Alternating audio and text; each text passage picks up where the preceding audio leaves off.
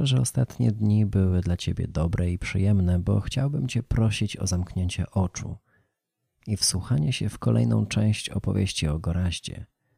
Człowieku, który zamieszkał w opuszczonej chacie, bo zabrakło mu sił, by wędrować po świecie, gdy odeszła od niego jego dusza towarzyszka. W tym odcinku spotyka Bognę, kobietę kwiat, która wcześniej żyła w tej chacie ze swoją rodziną i jej też przyszło mierzyć się ze stratą. Miłego słuchania.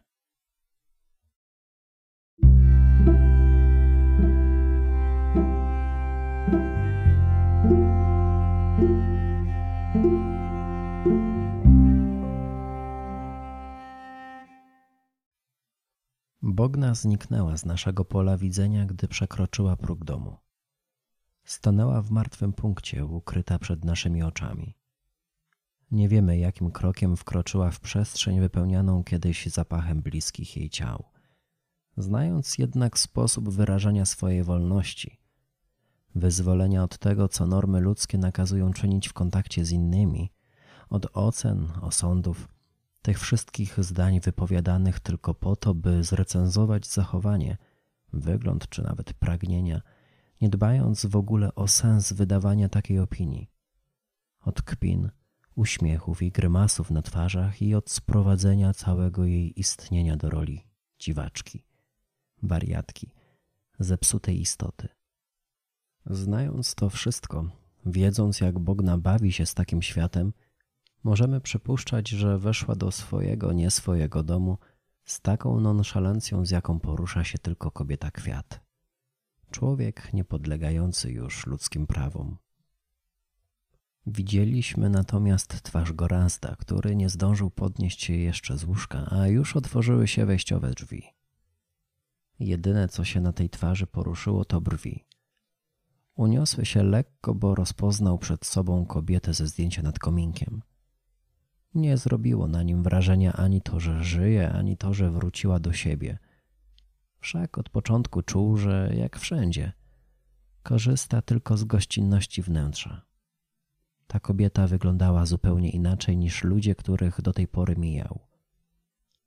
Jej czarne jak pierze kruka włosy, spięte w kilka grubych pasków przypominających mocne sznury, wygolone brwi i ciemna plama tuszu rozlana po całej szyi – do tego lniana słowiańska sukienka, wykończona ciemnozielonymi obszyciami, przewiązana krajką. To mogło ciekawić, ale nieszczególnie dziwiło go Razda, bo mimo braku kolorów w otaczających go dotąd ludziach, nieraz wyobrażał sobie siebie zmieniającego swoje ciało i własne okrycia, więc zdążył nauczyć się, przywyknąć do myśli, że przyjdzie taki czas, że na własne oczy ujrzy człowieka przeobrażonego.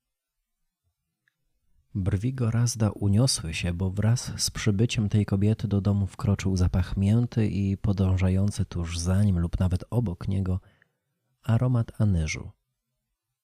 Przypisał tę woń Bognie, ale my już wcześniej dostrzegliśmy w kącie ogrodu rozrastające się krzewy Józefka, Izopus officinalis, hyzopu lekarskiego, którego Gorast nie zdążył jeszcze zapewne powitać na świecie, stąd też jego reakcja na nieznajomy zapach. Nie wiedział też, że ów hizop zaczął piąć się ku górze, gdy pamiętnej nocy trącony szałem i bólem rozsypał po ogrodzie to, co nosił w szkatułce od starej góralki. Szare, lekkie drobinki przeniknęły w głąb ziemi.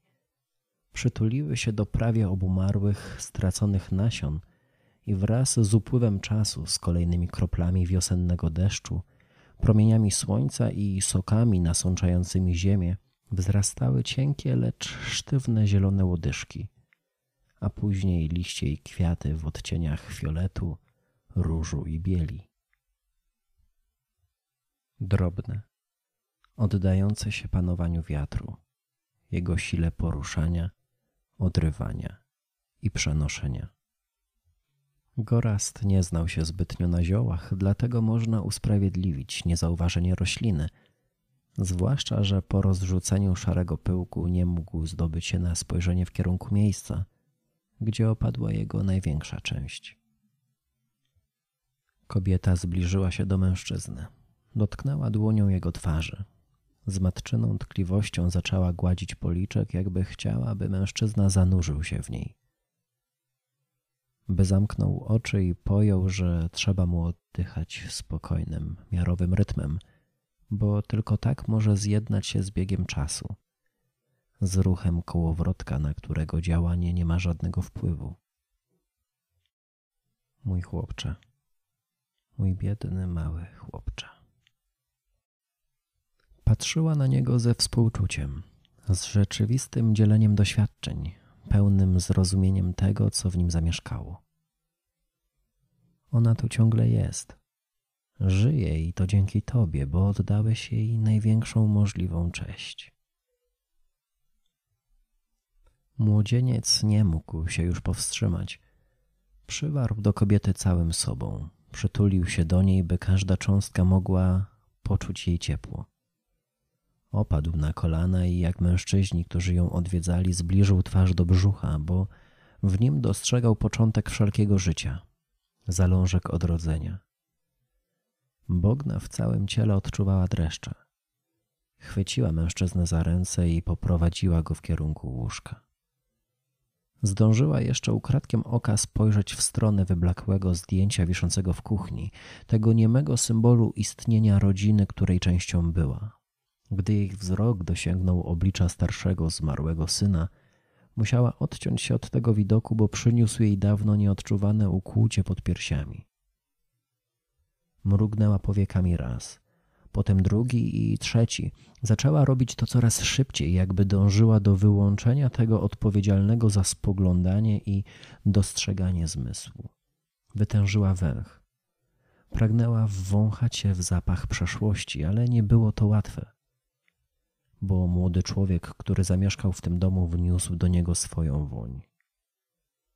Pachniał ciszą, tym rodzajem spowolnienia świata, gdy jakaś jego cząstka odłącza się, nie chce brać udziału w nieustannym wirowaniu zjawisk, naturalnych procesów, twórczych działań człowieka czy innej zwierzyny. Trwa odizolowana, w skupieniu na sobie i tylko sobie. Nie znajduje siły na współdzielenie czegokolwiek nie szuka tego, co może połączyć z grupą, bo woli pozostać na zewnątrz, niż stawać się jednym z innymi. Tak pachniał Gorast. Tak czuła go Bogna. I dlatego chciała mu ulżyć. Nie było jednak w tym geście pożądania. Żadne z nich nie pomyślało nawet, by z tej chwili i zbliżenia uczynić coś tak na wskroś ludzkiego, prymitywnego – sprowadzonego do chuci i fizycznego zaspokojenia. Przyglądamy się im, bo widzimy w tej ofierze, jaką sobie składają ludzkie ciała, te obudowy jakiejś materii, zbyt spokojnej, zbyt powolnej i dumnej, by mogła należeć do życia, jakie znamy.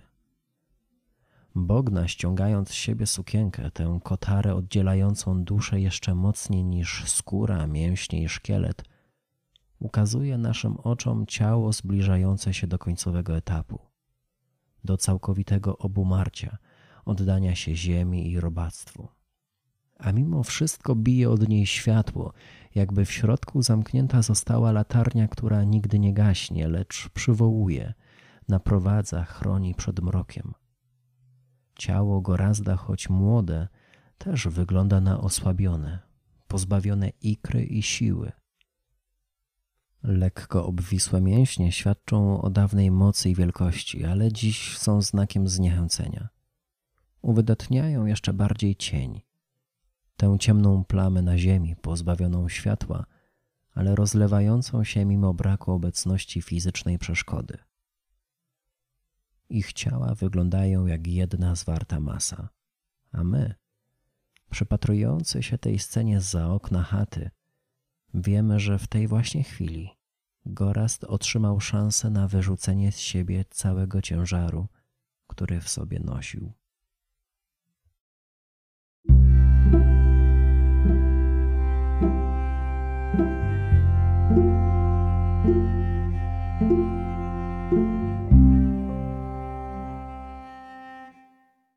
To już wszystko na dziś. Niech ten tydzień będzie dla Ciebie dobry.